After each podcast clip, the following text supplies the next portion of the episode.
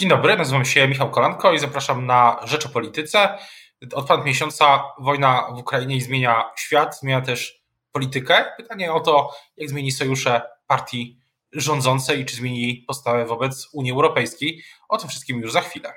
Dzień dobry, nazywam się Michał Kolanko. Państwa i moim gościem jest dzisiaj europoseł PiS e, Ryszard Czarnecki. Dzień dobry.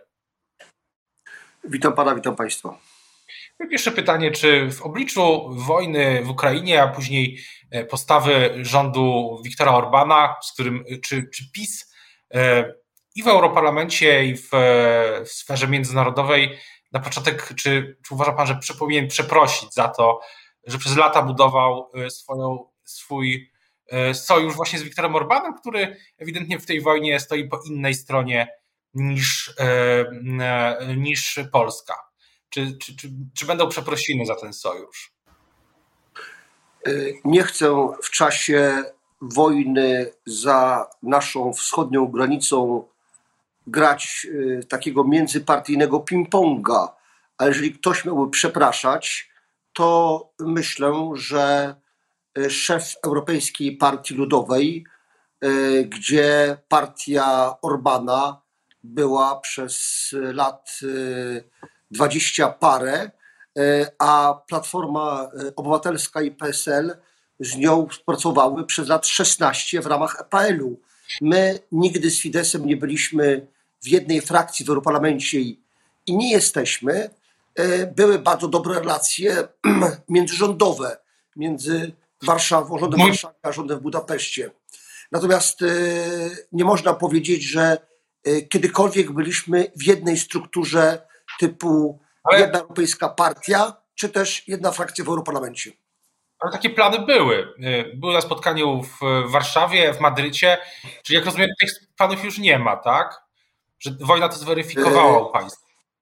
Były plany współpracy, ale między planami y, współpracy a pewnym realem, czyli właśnie rzeczywistą współpracą, y, a ta była przez paręnaście lat dziełem Platformy i PSL-u, jest różnica. Jeżeli komuś Ale można to, zarzucić nie, nie, panie pośle, nie, nie, panie związki pośle, z Orbanem, to nie nam.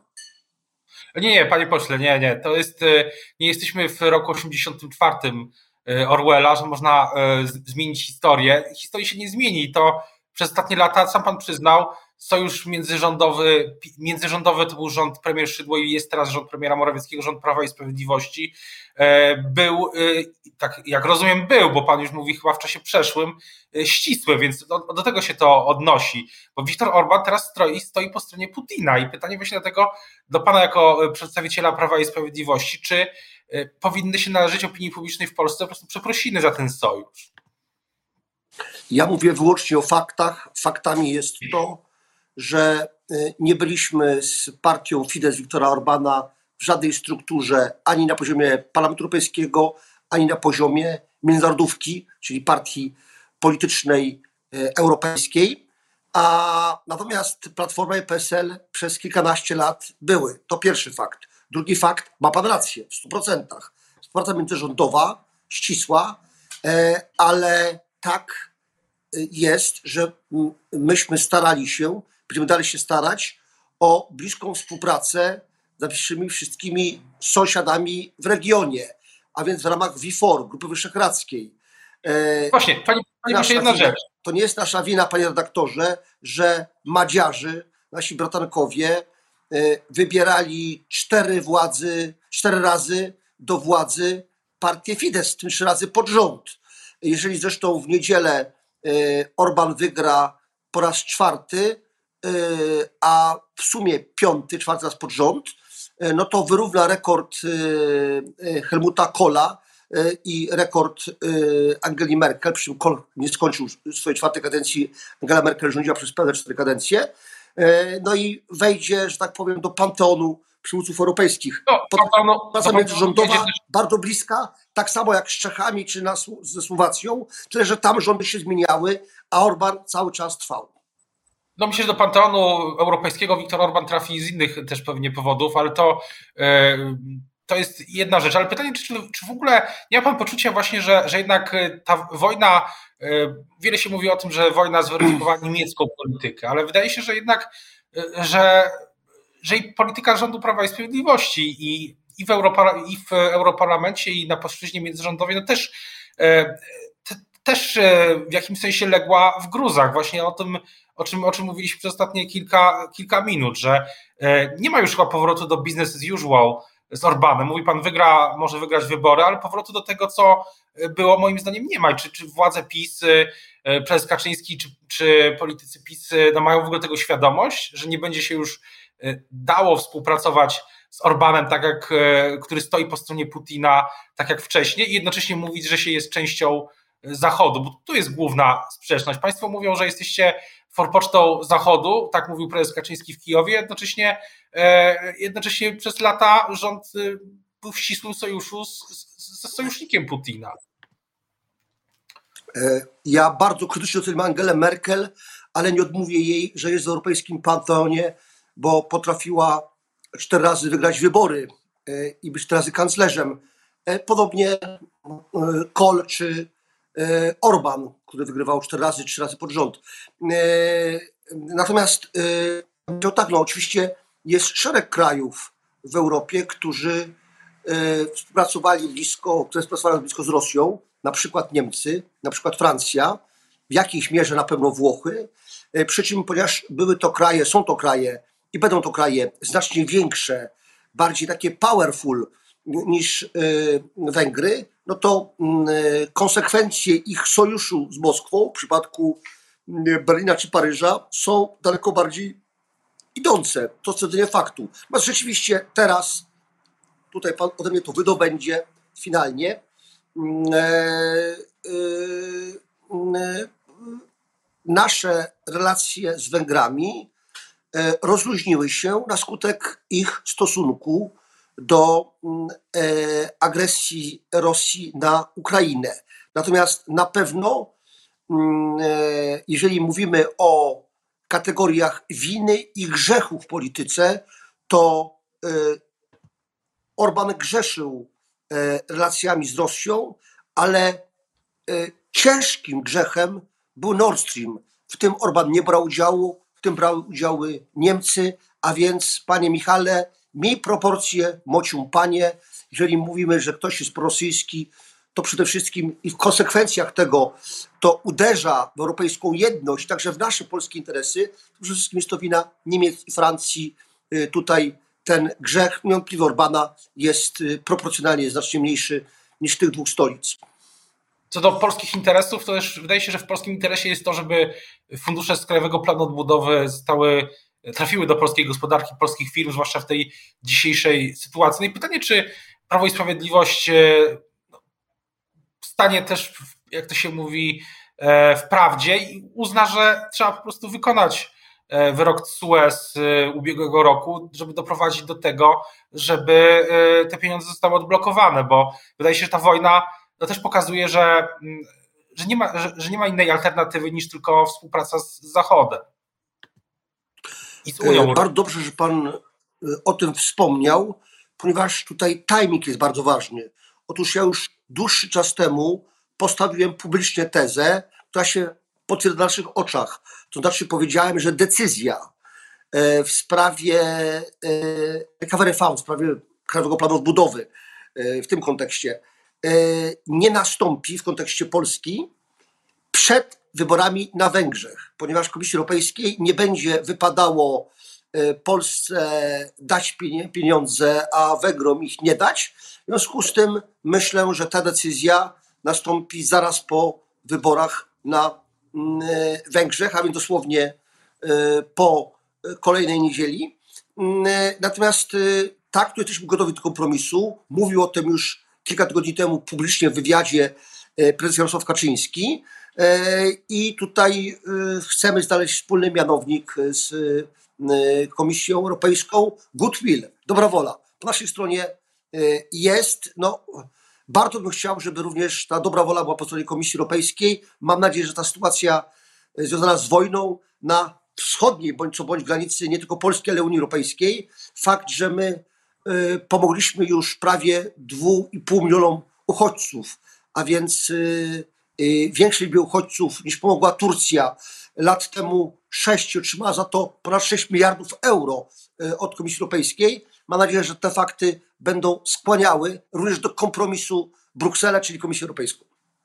Znaczy, a czy będzie też tak, że że Prawo i Sprawiedliwość przestanie obsadzać i Komisję Europejską i Brukselę w, tych, w tym nowym świecie, w którym żyjemy. Jest taka, jest pytanie, czy, czy Prawo i Sprawiedliwość, e, które przez lata obsadzało Brukselę jako takiego czarnego luda, przestanie wreszcie to, wreszcie, wreszcie to robić, bo przez 2015 roku jest takie wrażenie, że Prawo i Sprawiedliwość było po prostu na wojnie z, z Komisją, nie tylko wrażenie, ale i fakty, pokazywały, że Prawo i Sprawiedliwość było na wojnie z, z Komisją Europejską, z, z, Unią Europejską, a teraz mówi Pan na przykład o tym, że potrzebne jest finansowanie, tak jak Unia zgodziła się na finansowanie e, wsparcie dla Turcji. Więc gdzieś tutaj jest jakiś, e, jest to cały czas poważny zgrzyt, mam takie wrażenie.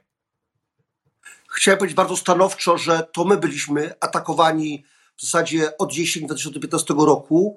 E, to Polska się broniła, e, to nie Polska wytaczała działa przeciwko Brukseli. Natomiast no, my sobie absolutnie nie zabierzemy prawa do krytykowania Brukseli w określonych sprawach konkretnych. Tu nie chodzi o retorykę i publicystykę, y, tylko jeżeli Franz Timmermans i ludzie z jego gabinetu mówią, czy publicznie, czy w rozmowach nieoficjalnych, że nie ma mowy o, na temat odnośnie zmiany pakietu klimatycznego, nawet o jotę, e, ze wszystkimi tego dla Polski negatywnymi konsekwencjami, no to oczywiście będziemy to krytykować. Jeżeli pan Guy Verhofstadt, były lider liberałów w Europarlamencie, obecnie szef takiej grupy zajmującej się wytyczaniem przyszłości Europejskiej, mówi, że teraz trzeba e, jeszcze bardziej dokręcić, to już moje określenie, śrubę federalistyczną, e, aby szybciej integrować politycznie i ekonomicznie Unię Europejską, wbrew ewidentnie szeregu krajom, a na protesty reprezentującego nas, konserwatystów, w tej grupie Holendra odpowiada, a ja mam większość i co pan mi zrobi? Co mi przypomina ten tekst, nie mam pańskiego palta i co mi pan zrobi, czy futra. E, otóż e, my będziemy oczywiście tego typu konkretne postawy krytykować. Nie jest to kwestia negacji Unii Europejskiej jako takiej, Komisji Europejskiej jako takiej, tylko zastrzegamy sobie prawo do krytyki poszczególnych e, komisarzy, czy też reprezentantów tego unijnego establishmentu. Będziemy oczywiście polemizować. To jest, to jest normalna rzecz. Ale czyli, ale chcę, chcę, chcę mieć jasność. Myślę, nasi słuchacze, widzowie też myślę, chcą mieć jasność, czy, czy w wyniku, po tym, co się wydarzyło 24 lutego, po tej inwazji, czy, czy, czyli jest, będzie powrót do tego business as usual między Polską, a między PiSem a Komisją Europejską, czy, czy nie? Czy jednak coś się trwale zmieniło? Bo ja cały czas, cały czas tego, nie, nie mam takiego wrażenia, żeby też po tym, co Pan mówi, że, e, że rzeczywiście, e, żeby rzeczywiście jakaś poważna zmiana nastąpiła. A, a wydaje się, że już poważniejszej rzeczy niż wojna y, kilkadziesiąt, kilkadziesiąt kilometrów przy polskiej granicy, czy na polskiej granicy wręcz nie ma. Y, to się musiało zmienić, to się zmieniło. Rosja anteportas, trawestując powiedzenie ze starożytności, Rosja u bram i my musimy grać w jednej europejskiej, unijnej drużynie, natomiast to nie oznacza, żeby w ramach tego jednego, solidarnego w sprawie Rosji obozu nie było. One są i będą i były. Y, I na pewno tych różnic obca rosyjska dłoń też nie przekreśli, trawestując y, znany wiersz Broniewskiego. Otóż w moim przekonaniu E, trzeba działać razem, bo rzeczywiście agresja Rosji na Ukrainę pokazała, e, że świat się zmienił, Europa się zmieniła, są zupełnie inne wyzwania, znaczy na to trzeba reagować wspólnie i solidarnie, razem właśnie. E, natomiast no, w ramach tego obozu mogą być i będą, i to jest naturalna rzecz i dobra, różnice odnośnie na przykład kreślenia wizji przyszłości Europy, czy układania różnych bieżących spraw dotyczących polityki energetycznej, czy klimatycznej, czy żywnościowej, bo w tej chwili będzie wielki problem odnośnie jednak żywności w Europie po tym, co się dzieje na Ukrainie. Co do przyszłości, to jeszcze jedna rzecz. E, niedawno, znaczy niedawno, kilkanaście miesięcy temu premier Mateusz Morawiecki w dla Rzeczpospolitej mówił, to było oczywiście przed wojną, już w chwili, gdy wydawało się, że koronawirus może, to było bardzo dawno temu, jak na dzisiejsze e, wydarzenia, mówił, że Polskę czeka złota dekada, a dzisiaj w niedzielę słyszałem prezesa Kaczyńskiego, który mówił, że idzie kryzys, ciężkie czasy, czyli co, nie ma już, e, co z tą złotą dekadą. Wydaje się, że y, prezes Kaczyński no, mocno obniża oczekiwania Polaków co do tego ich, ich standardu życia, a do tej pory y, retoryka była zupełnie inna.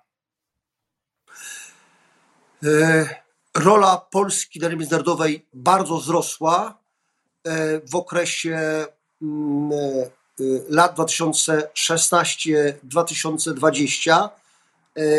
Nie tylko dzięki aktywnej e, roli polskich władz, ale także czynników obiektywnych, czyli bardzo dobra koniunktura gospodarcza Polski, ale także dzięki prezydentowi Trumpowi, który no, wybrał Polskę jako sojusznika numer jeden USA w Unii Europejskiej. Teraz po roku pewnego zamrożenia w tych dobrych relacjach z USA mamy znowu powrót do, do roli Polski, a więc pod tym względem jesteśmy absolutnie w windzie, która idzie w górę. Prezes Kaczyński ma jednocześnie rację, mówiąc, że idą trudne czasy w wymiarze gospodarczym. No to fakt po prostu.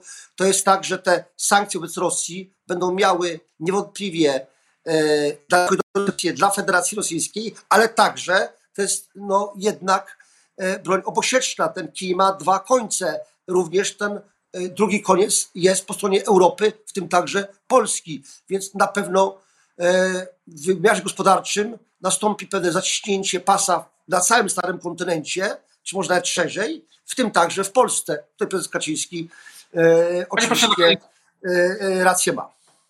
Na koniec, e, na koniec pytanie o Pana sprawy z Parlamentu Europejskiego. Niedawno mój kolega, redaktor Radosław Gruca w Radiu Z napisał, że zatrudnił Pan fikcyjnie w biurze rolnika, w Pana biurze poselskim, musiał Pan zwrócić 13 tysięcy euro. Jednocześnie wtedy w tym tekście e, jest Pana stanowisko, że był Pan w tej sprawie ofiarą. O co tu chodzi? No, no o to chodzi, że zatrudniłem człowieka, który e, został mi polecony, gdy byłem posłem w latach 2009-2014, a więc no już w tej chwili e, ponad 10 lat temu.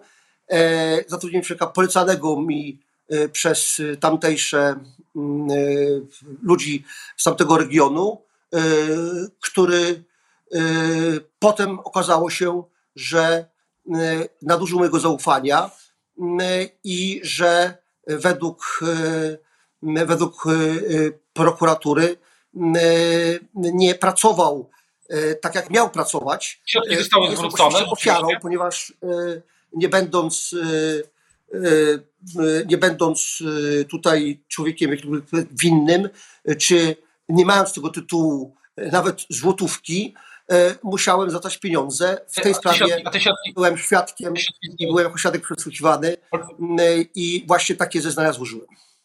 A te środki zostały zwrócone? Tak, tak, ale to już pan mówi o sytuacji z zeszłego roku.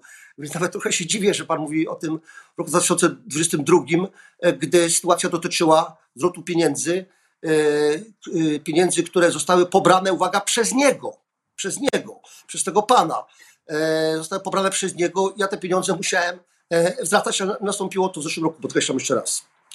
Bardzo dziękuję za rozmowę. Państwa no, dotyczyło to postępowania, dotyczyło to postępowania zresztą przy, y, y, y, karnego przeciwko jednemu z posłów na Sejm RP nie dotyczyło postępowania przeciwko mnie.